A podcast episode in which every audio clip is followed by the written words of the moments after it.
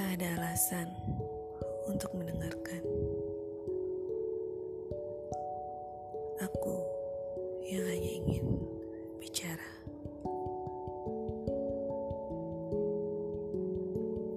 Tentang dunia. Tentang hariku.